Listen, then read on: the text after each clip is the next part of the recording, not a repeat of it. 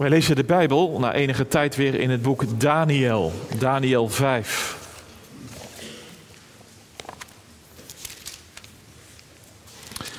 We zijn enkele maanden terug begonnen met het boek Daniel, Daniel 1. Hè?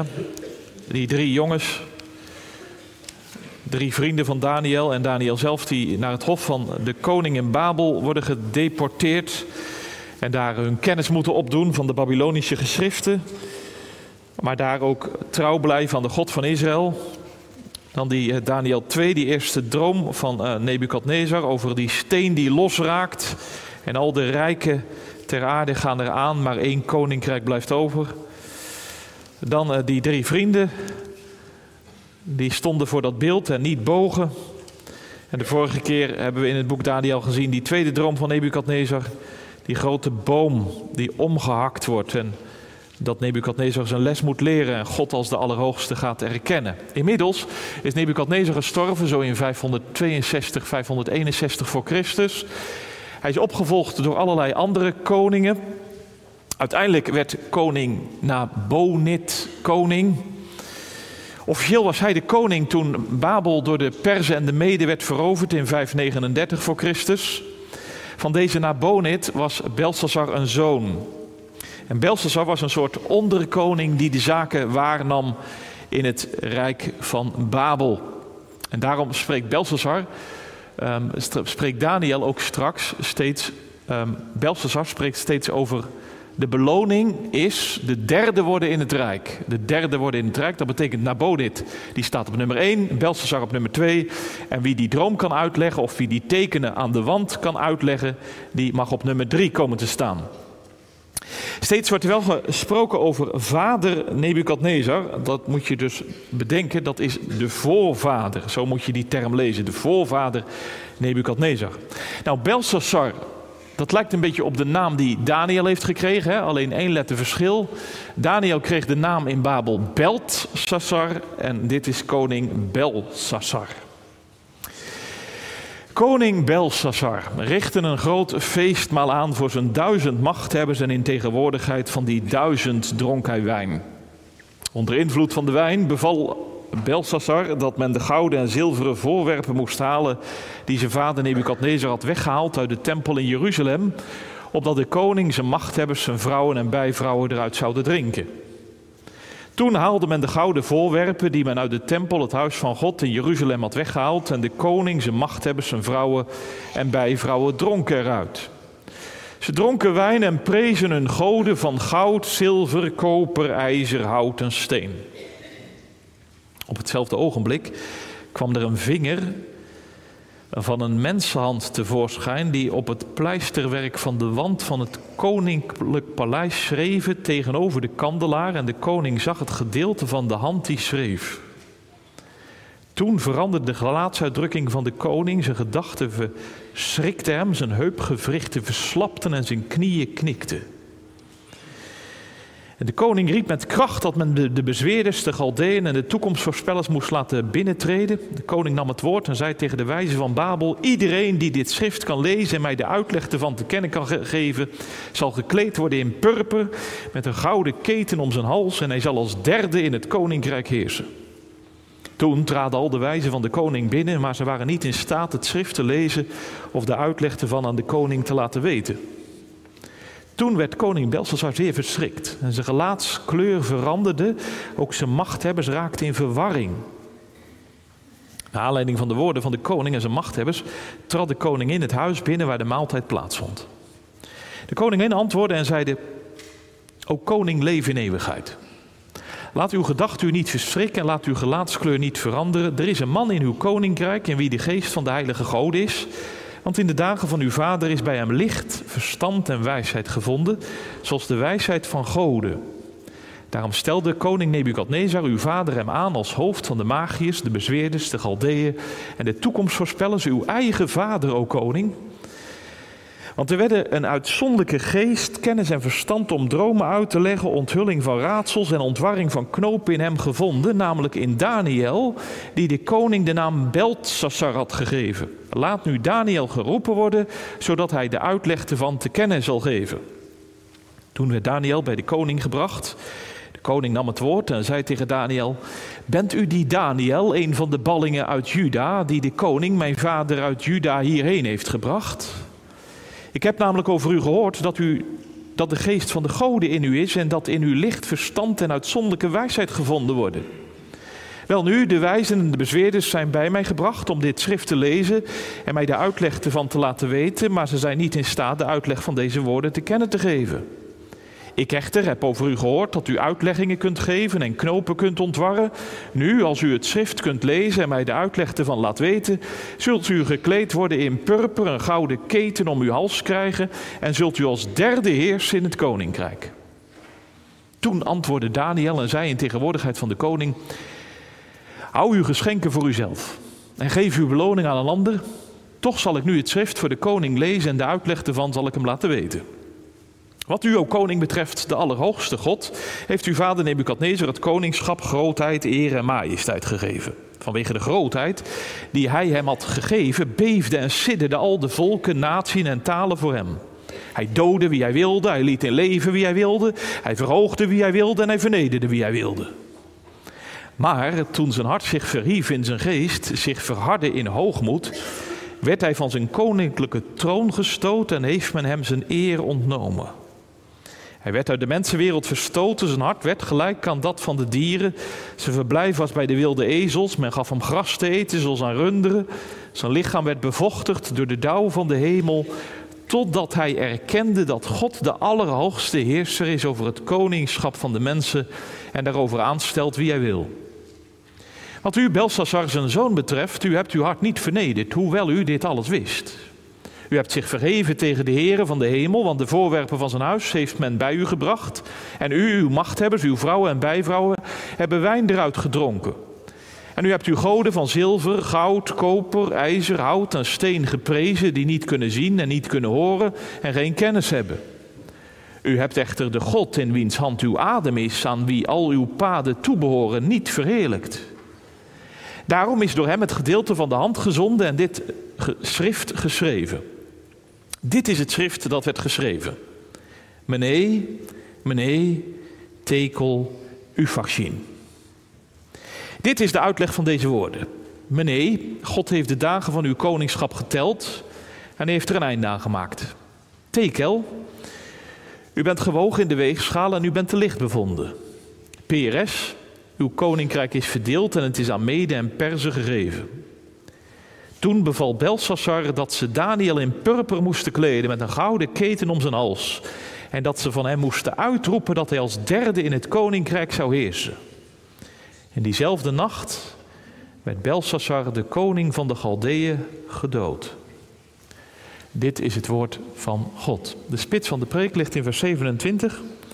Tekel, u bent gewogen in de weegschaal en u bent te licht bevonden. Ons leven heeft gewicht. Dat schrijven we boven de preek. Ons leven heeft gewicht. Jongens en meisjes, uh, ja, er zijn er heel wat op vakantie. Maar uh, wie van de jongens en meisjes zit in groep 3? Zitten de jongens en meisjes in groep 3, groep 2?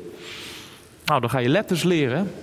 Dan ga je allemaal letters leren. De A en de B en de S en de Weet je wat dan wel leuk is? Dan zit je soms in de auto en dan zeg je: Hé hey mama, dan zie ik een B en dan zie ik een uh, S en dan zie ik een uh, K. Ja, want je kunt die letters lezen. Nou, vanmorgen gaat het in de preek ook over letters. Er is een koning die kan wel letters lezen, maar hij weet niet goed wat het betekent. En daarom komt Daniel en die gaat vertellen wat God tegen deze koning wil zeggen. Want Daniel die kan die letters wel lezen omdat hij heel dicht bij God leeft. Daar gaan we straks van horen. Gemeente, het gebeurde 15 jaar geleden. Ik was nog proponent, ik deed pastoraal werk ergens in de Betuwe. De scriba belde mij s morgens vroeg op. Kun je naar Nijmegen gaan? Er ligt een vrouw in het ziekenhuis. Ze staat niet bij ons ingeschreven, maar ze heeft gevraagd om een geestelijke. Oh, waarom eigenlijk? Dat is niet gezegd. Snel mijn kleren aan, de auto in, naar het ziekenhuis. Ik zat te denken en te praktiseren in de auto. Wat zou deze mevrouw nou eigenlijk willen? Waarom zou ze een geestelijke willen ontmoeten? Mevrouw bleek erg ziek. We spraken even over haar gezondheid. Het sterven zou spoedig komen. De doktoren hadden het tegen haar gezegd. Al snel stelde ik de vraag: Mevrouw, u vroeg om een geestelijke. Maar waarom eigenlijk? Het antwoord van haar was glashelder. Ik ben niet christelijk opgevoed, weet je. Maar ik heb wel eens gehoord dat als je sterft, je God zelf gaat ontmoeten en hij je leven beoordelen gaat. Is dat echt zo? Dat klopt, mevrouw. Nou, dan wil ik graag van je weten, hoe kan dat oordeel over mijn leven goed uitvallen? Ik sloeg even helemaal dicht. Die vraag had ik niet verwacht. Ik had er helemaal niet op gerekend. Waar moet ik beginnen? Wat kan ik zeggen? Hoe kan ik het nou eenvoudig uitleggen? Wat zeg ik wel? Wat zeg ik niet? Veel tijd was er niet meer voor haar. Maar juist toen en daar heb ik ervaren wat ik pas las bij dominee Spencer, een predikant in de 18e eeuw, de Bunyan van Brooklyn. Zo werd hij genoemd. Hij zat ooit aan een sterfbed en hij zei tegen de stervende vrouw: Mevrouw, we hebben nog tijd genoeg hoor. We hebben nog tijd genoeg, want het evangelie is zo eenvoudig, ik kan het u in drie minuten uitleggen. Daar moest ik aan denken. In de voorbereiding op deze preek, want Daniel die staat voor Beltsassar, veel tijd is er niet meer, de preek is dan ook niet lang. De boodschap van God is kort en krachtig, het zijn maar een paar letters, maar die paar letters zijn genoeg om nog rechtsomkeerd te maken. Trouwens, die paar letters willen ook vanmorgen iets met ons. Want Daniel zegt tegen Belteshazzar in vers 27: U bent gewogen in de weegschaal en u bent te licht bevonden. Stel je voor, denk je in, het zal je maar gezegd worden. Je voelt al lang aan, deze preek rammelt natuurlijk ook aan mijn bestaan. Het vraagt vanmorgen ook aan jou en aan mij, als God nou mijn leven wegen gaat. Legt mijn leven dan voldoende gewicht in zijn weegschaal? Wat weegt eigenlijk het zwaarst in mijn leven? In de keuzes die ik maak, in wat ik wel doe, in wat ik niet doe. Hoe ga ik met God om? Hoe ga ik met mijn naaste om? Het antwoord op die vraag is cruciaal. Hier en nu en straks als God oordelen gaat. Een hoogleraar waarvan ik ooit college kreeg, die zei eens op college: Ons leven heeft gewicht Daarom wordt het door God gericht. Neem die zin mee. Schrijf hem desnoods op. Denk er deze week aan op stille momenten bij een open Bijbel met gevouwen handen. Ons leven heeft gewicht. Daarom wordt het door God gericht. Nou goed, voordat je antwoorden gaat op die vraag: wat weegt nou het zwaarst in jouw leven? Eerst maar de vraag: wat weegt nou het zwaarst in het leven van Belshazzar? In het geheel van de Bijbel lees je niet veel over Belshazzar. Alleen in dit hoofdstuk, wel zes keer klinkt zijn naam, onderstreep het maar. Belshazzar, Belshazzar, Belshazzar, mogen de God Bel hem beschermen.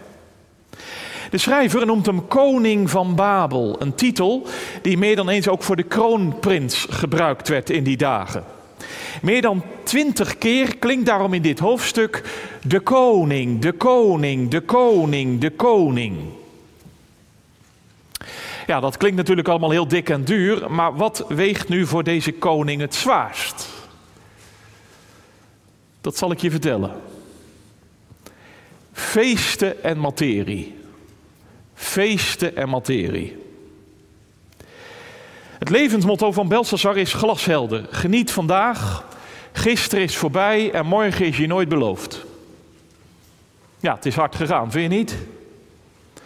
Het leven van voorvader Nebukadnezar vulde zich met hoogmoed en grootheidswaanzin. Maar ja, je moet ook wel toegeven, die Nebukadnezar had ook wel heel wat gepresteerd. Tot vandaag staat hij bekend om zijn bouwkunsten en bouwwerk. Het grote Babel met zijn mooie paleizen, zijn hangende tuinen, met zijn muren en pleinen. Alleen een paar generaties later, het leven van Belshazzar vult zich niet alleen met hoogmoed, maar ook met een enorme oppervlakkigheid. Veel gepresteerd heeft Belshazzar eigenlijk niet. Wat zijn voorvader allemaal heeft opgebouwd in Babel. Hij doet zich er gewoon te goed aan. Hij geniet er gewoon van met volle teugen. Maar niets is voor hem heilig en niets is bij hem veilig. Alles wat van waarde is, het moet er gewoon aan geloven. Van de ene kik gaat hij naar de volgende kik. Van het ene feest gaat hij naar het volgende feest. Intussen liggen de Mede en de Perzen voor de poorten van Babel. Babylonische bronnen vertellen, op 13 oktober 539 viel Babel, stierf Belshazzar. Dus dit is dit feest op 12 oktober. Babylonische Rijk staat op dit moment op instorten. Het grootste deel van Babel is al in handen van de Mede en de Perzen. Zijn vader, Nabonid, zit al gevangen. Maar Belshazzar, wat doet hij? Hij zit niet in zijn bunker. Hij belegt geen vergadering met zijn legertop, zo van hoe gaan we ons nu verdedigen? Welke wapens kunnen we nog inzetten? Kunnen we de soldaten nog een beetje hergroeperen? Nee, Belshazzar ontvlucht gewoon de werkelijkheid. Hij denkt niet verder, hij kijkt niet dieper. Hij blijft aan de oppervlakte. Hij houdt gewoon feest. Waar? In de troonzaal. Opgravingen hebben laten zien, die troonzaal in Babel, dat was echt een megazaal. 50 meter lang, 20 meter breed. Moet je even indenken, 50 meter lang, 20 meter breed. Lange tafels staan klaar, vaten vol wijn worden aangerukt. Vers 1 zegt: duizend machthebbers komen aan. Duizend. Symbool voor een ongekend aantal. Opmerkelijk is, Belshazzar eet en drinkt niet privé met een handjevol uitverkoren en goedgekeurde gasten. Zo was het namelijk altijd gebruik in die dagen. Hè? Je at privé als koning met een paar uitverkoren en uitgekozen gasten. Nee, Belshazzar die, uh, doet het gewoon even wat anders. Hij eet en drinkt, staat er letterlijk tegenover deze machthebbers. Vrouwen en bijvrouwen mogen gewoon met hem meefeesten, zegt vers 2 en 3. Je voelt al lang aan drank en platte seks. Daar is dit feest vol van. Ja, zulke feesten zijn er nog steeds plenty, hè? Op tal van plaatsen, zeker in het weekend, ook in ons land. Hopelijk weet je er niet al te veel van. Maar de entertainmentindustrie doet het in ons land goed. Duizenden banen, duizenden banen in de entertainmentindustrie. Alleen als je in je leven leeft van de ene kick naar de andere kick, dan moet het natuurlijk altijd weer net iets gekker dan de vorige keren. Het is een onverzadigbare put. Zo ook bij Belshazzar, want vers 2 zegt hij proeft de wijn, letterlijk de wijn is zijn raadgever, de wijn is zijn oordeel, is zijn verstand. Maar het resultaat daarvan is schokkend. Luister wat Belshazzar zegt. Hij zegt: haal de gouden en zilveren voorwerpen die uit de tempel van Jeruzalem zijn gehaald. Dat is een voorstel. Onthutsend.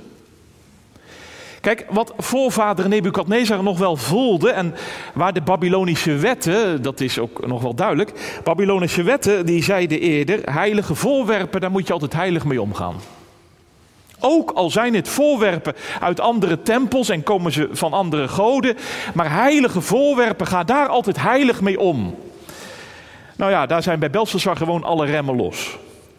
Niets is heilig en veilig bij hem. Vers 4 zegt, ze drinken wijn uit die bewuste bekers. Dan moet je even indenken. Want Exodus 25 vertelt, die bekers die zijn met zorg en eerbied gemaakt. God gaf de opdracht om die bekers te laten maken. Schalen en kannen van zuiver goud, zorgvuldig en secuur vervaardigd. Ze zijn gemaakt om de plengoffers te brengen in de tempel van de Heer, iedere morgen en iedere avond. Zo ging dat. De priester die kwam en deed de wijn eerbiedig in de kannen van de Heer. Met ontzag en eerbied werd het uitgegoten op het altaar als een aangename geur voor God. Zo wilde de Heer zijn volk ontmoeten. Zo wilde de Heer zijn volk heiligen. Maar Beltesar. Het interesseert hem niks. Zelfs God en goden, het is bij hem gewoon platter dan plat. Want kijk even mee, wie zijn nou die goden die hij vereert? Je zou denken, nou Marduk, Bel, Nabu.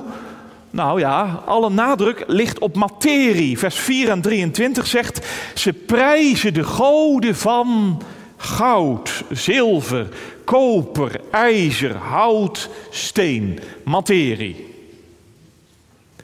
En straks, als Belshazzar die mensen belonen wil, dan is het weer allemaal materie hè, waar hij het over heeft. In vers 7, 16, 29 spreekt hij over een purperen kleed en een gouden ketting. Feest en materie. Dat weegt het zwaarst bij Belshazzar. En bij jou? Bij u? Nee, zo schokkend en wild als in Daniel 5. Ik denk zomaar, zo gaat dat niet bij u en jou, hè? Toch? Zo gaat dat niet. Maar wees eerlijk, feestjes vol drank en seksuele losheid, dat is er ook in Zoetermeer en omgeving, toch? Misschien ben je dit weekend nog wel op zo'n feestje geweest. Dan wil ik je vanmorgen alleen dit zeggen. Lees deze zondag nog eens rustig voor jezelf Daniel 5 dan zul je ontdekken, Daniel is niet op dat feest. Daniel is er niet bij. Hij bleef erbij weg. Veelzeggend, vind je niet? Maar ja, hij staat aan de boodschap. Kom niet op wilde feestjes. Ja, je voelt natuurlijk al lang aan. Hier gebeurt veel meer, want Belshazzar vlucht voor de werkelijkheid. Hij verdooft zich. En dat komt al dichterbij, vind je niet? Want ook wij kunnen in ons leven zo aan de oppervlakte blijven.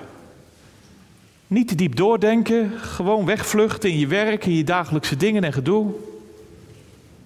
Uiteindelijk wegvluchten voor de dood. Niet aan denken, gewoon doorgaan, daar kun je toch niet mee leven?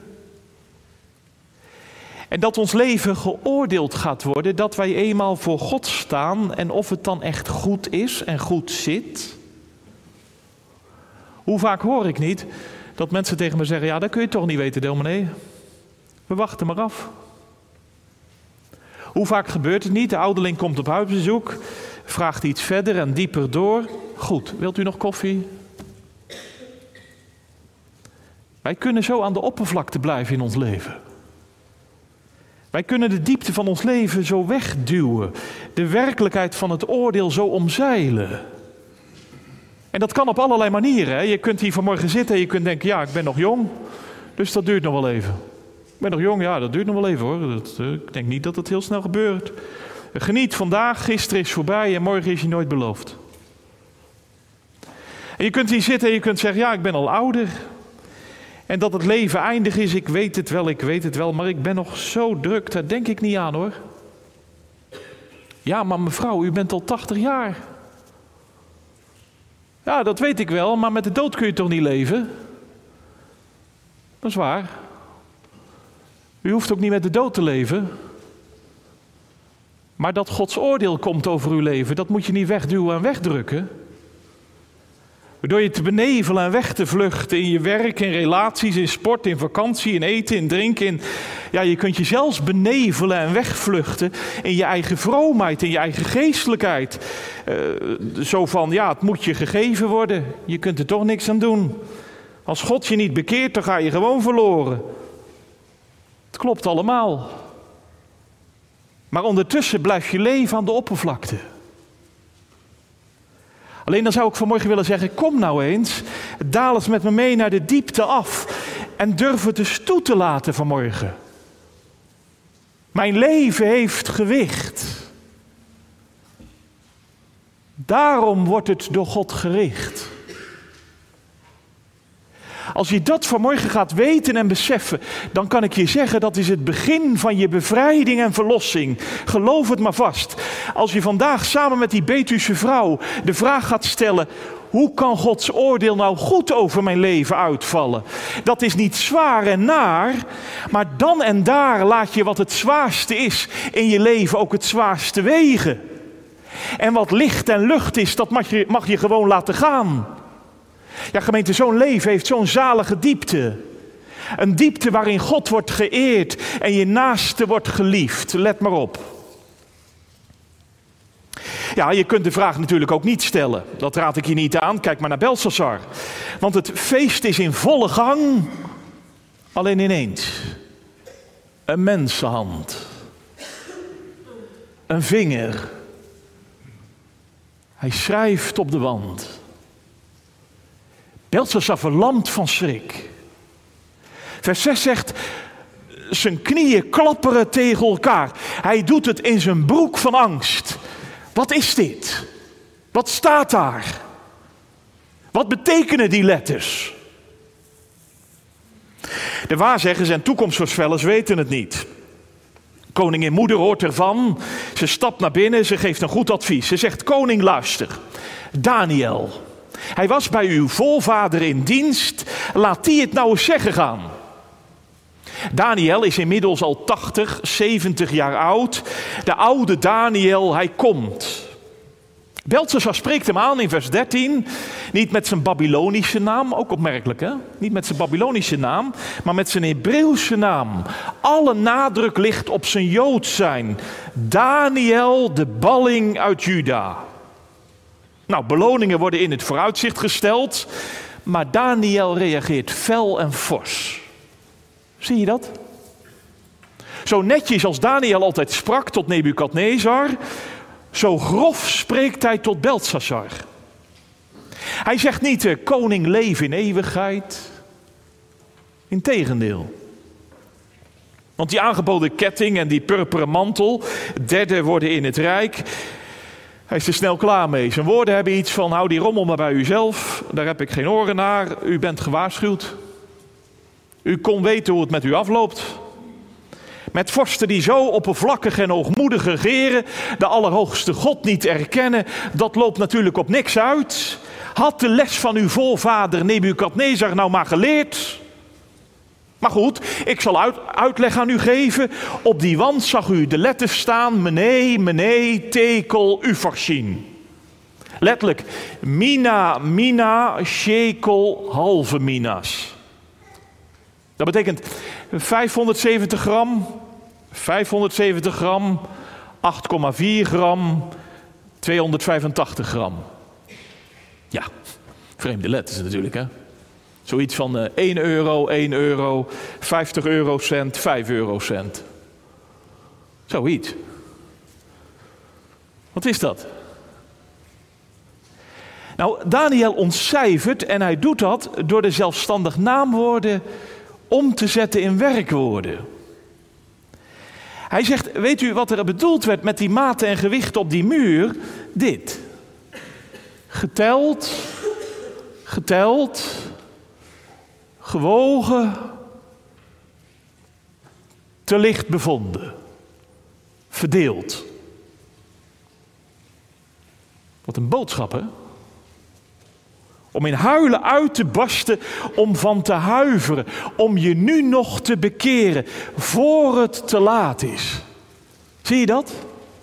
Te licht bevonden. Het wordt hem gezegd, want er is kennelijk nog tijd. Tijd om het roer om te gooien, om door de knieën te gaan, om je handen op te heffen tot de God van Daniel. Zo is onze God, echt waar. Nou ja, Belshazzar is volledig het spoorbijster. Onder invloed van de wijn erkent hij de God van Daniel niet als de Allerhoogste. Wat voorvader Nebukadnezar tot drie keer toe wel deed, als het erop aankwam, hè? Hij doet het niet. Nee, het is gewoon bizar gemeente wat Belshazzar doet. Onaangedaan, eerder opgelucht, beloont hij Daniel. Zelfs nu blijft hij gewoon aan de oppervlakte. Zelfs nu durft hij de echte vragen niet te stellen. Belshazzar, begrijp je nou nog niet dat het over jou gaat? Dit gaat over jouw leven, dit gaat over jouw sterven. Maar de koning vlucht gewoon voor de werkelijkheid. Hij bekleedt Daniel met een purperen mantel. Hij hangt een gouden ketting om zijn nek. Hij roept hem zelfs uit tot derde van het rijk.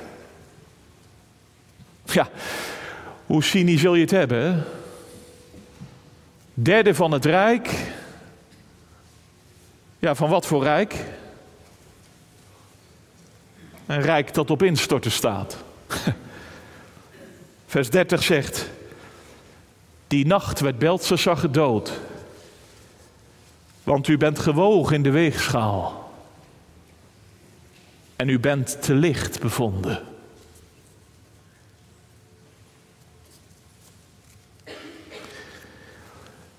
Gemeente, als ik dit allemaal op mij in laat werken, dan denk ik, hoe zou dat nou bij mij zijn? Snap je dat? Denk ik, als God nou mijn leven wegen gaat. Nee, ik herken me niet in dat extraordinaire van Belshazzar. En u en jij waarschijnlijk ook niet. Dat mag allemaal waar zijn, maar als ik mijn toga uitdoe, als ik dat zwarte pak van me uitdoe, wie ben ik dan echt?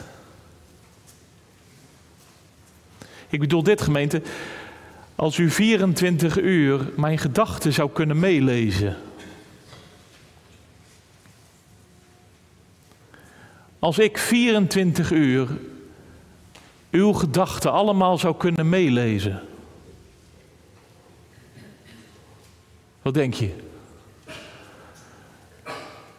Zou je dan nog bij deze dominee in de kerk blijven zitten? Zou ik dan nog bij u op bezoek willen komen?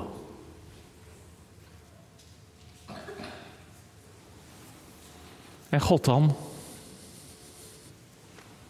De Allerhoogste die onze harten doorzoekt, tot op de bodem. Die onze gedachten toetst tot in de finesses. Hoe zou hij erover oordelen? U bent gewogen in de weegschaal en te licht bevonden. Deze preek is dus ook voor mij. De vinger prikt en de hand schrijft. Nee, gemeente loopt er vanmorgen nou niet bij weg. Laat dat nou eens binnenkomen. Want dat brei ik natuurlijk niet wat recht met deugdelijkheid.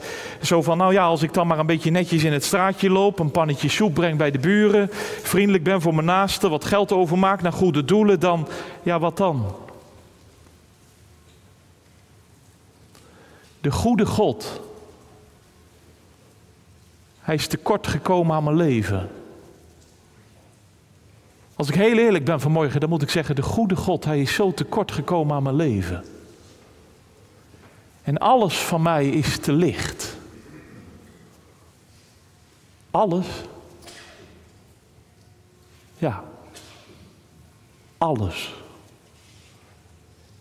Niets kan het oordeel van God doorstaan. Op vier woorden na. Luister goed. Want dat is vanmorgen het evangelie. Niet in drie minuten, maar in vier woorden. Om nooit te vergeten. Tegenover die vier vreemde woorden. Mene, mene, tekol, ufachin.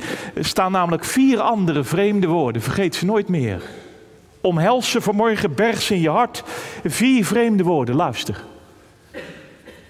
Eloi. Eloi.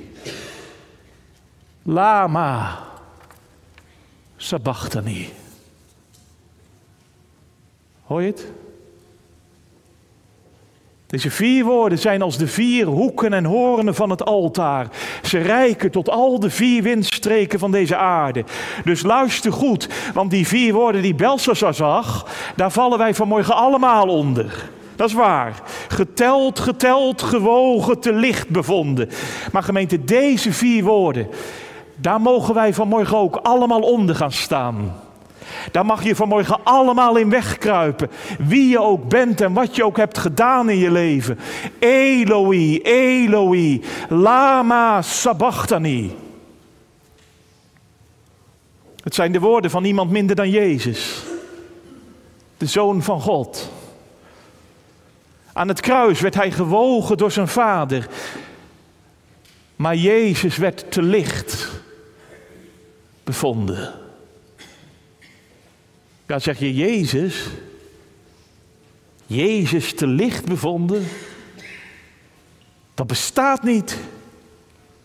Hij heeft zijn vader altijd geëerd. Hij heeft zijn naaste altijd geliefd. Dat klopt. Maar kijk eens goed, want Jezus heeft een beker in handen. Vol met zonde. Vol met schuld, vol met oordeel. Die beker zit vol met mijn zondige gedachten. Met mijn foute woorden. Met mijn verkeerde daden. Hij laat zijn mantel uittrekken. Hij laat zich hangen. Hoor eens, er wordt gefeest onderaan het kruis. De een spot, de ander lacht, weer een ander dobbelt. En nog weer een ander loopt er gewoon oppervlakkig aan voorbij. Zonder ooit te denken, wie zou dat toch zijn? Wat is dat nou voor een man? Wat, staat hij daar, wat is hij daar nou aan doen? Maar gemeente, Jezus doet het. Hij neemt het volle gewicht van de zonde op zich. Hij draagt het allemaal weg. En hij roept naar alle duisternis: Eloi, Eloi, lama sabachthani. Mijn God, mijn God, waarom hebt u mij verlaten? Weet je waarom hij dat riep? Om jou vandaag je naam in te laten vullen. Je naam in te laten vullen. Ja. Want gemeente, wie vandaag op de bank waar die zit ontdekt, als God mijn leven gaat wegen, dan is het allemaal te licht. Dan kom ik het oordeel niet door. Dan sta ik gewoon aan de verkeerde kant. Wie dat ziet en ontdekt, die zal niet anders willen en kunnen dan zijn naam vanmorgen invullen. Weet je hoe dat gaat? Dat gaat zo. Mijn God, mijn God, om Jan Molenaar hebt u mij verlaten. Durf je je naam in te vullen? Ik zal het me doen vanmorgen. Mijn God, mijn God, om hebt u mij verlaten. Want gemeente, dat kruis van Jezus, dat verkondigt mij.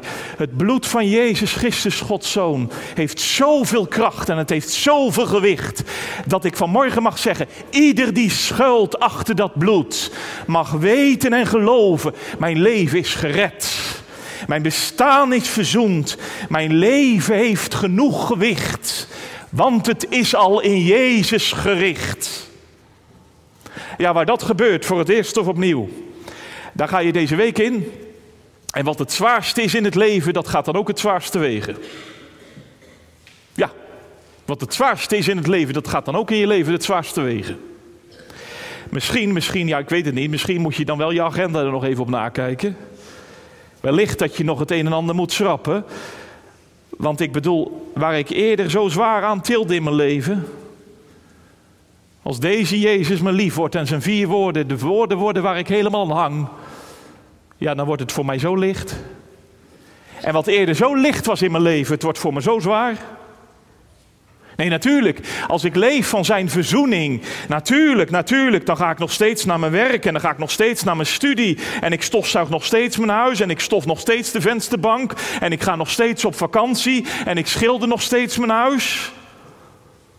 Alleen het weegt mij niet meer het zwaarst in het leven. Maar weet je, als deze vier woorden je lief zijn geworden in je leven, wat je dan het zwaarste wegen gaat, die zondag voor God, dat weegt me zwaar. Die twee kerkdiensten op deze dag, dat weegt me zwaar. Die avond zingen voor God, dat weegt me zwaar. Die Bijbelmomenten met God, dat weegt me zwaar. Die gebedsuren bij God, dat weegt me zwaar. Die zorg voor mijn ouders, dat weegt me zwaar. Die aandacht voor hen die lijden, dat weegt me zwaar. Dat zoeken naar recht voor rechteloos in deze wereld, dat weegt me zwaar. Dat trouw en liefdevol blijven in mijn huwelijk, dat weegt me zwaar. Dat goed omgaan met mijn geld en mijn goed, dat weegt me zwaar. Want het werk van Jezus legt zoveel gewicht in de schaal. Zijn bloed, zijn zweet, zijn vier woorden uitgesproken aan het kruis. Zijn vinger schreef ze vanmorgen op de wanden van mijn hart. Gemeente, in vier woorden is het evangelie u verkondigd. Wat doet u ermee? Wat doet u er vanmorgen mee? Leeft er niet oppervlakkig langs heen. Dan is uw leven straks te licht voor God. Laat het u gezegd zijn. Maar in vier woorden is vanmorgen het evangelie aan u en jullie allemaal verkondigd. Zodat u vanmorgen verwonderd zult instemmen en meezeggen. Mijn leven heeft gewicht. Want het is in Jezus nu al door God gericht. Alleen zo zal Gods oordeel straks goed uitvallen over uw en mijn leven. God lof. Amen.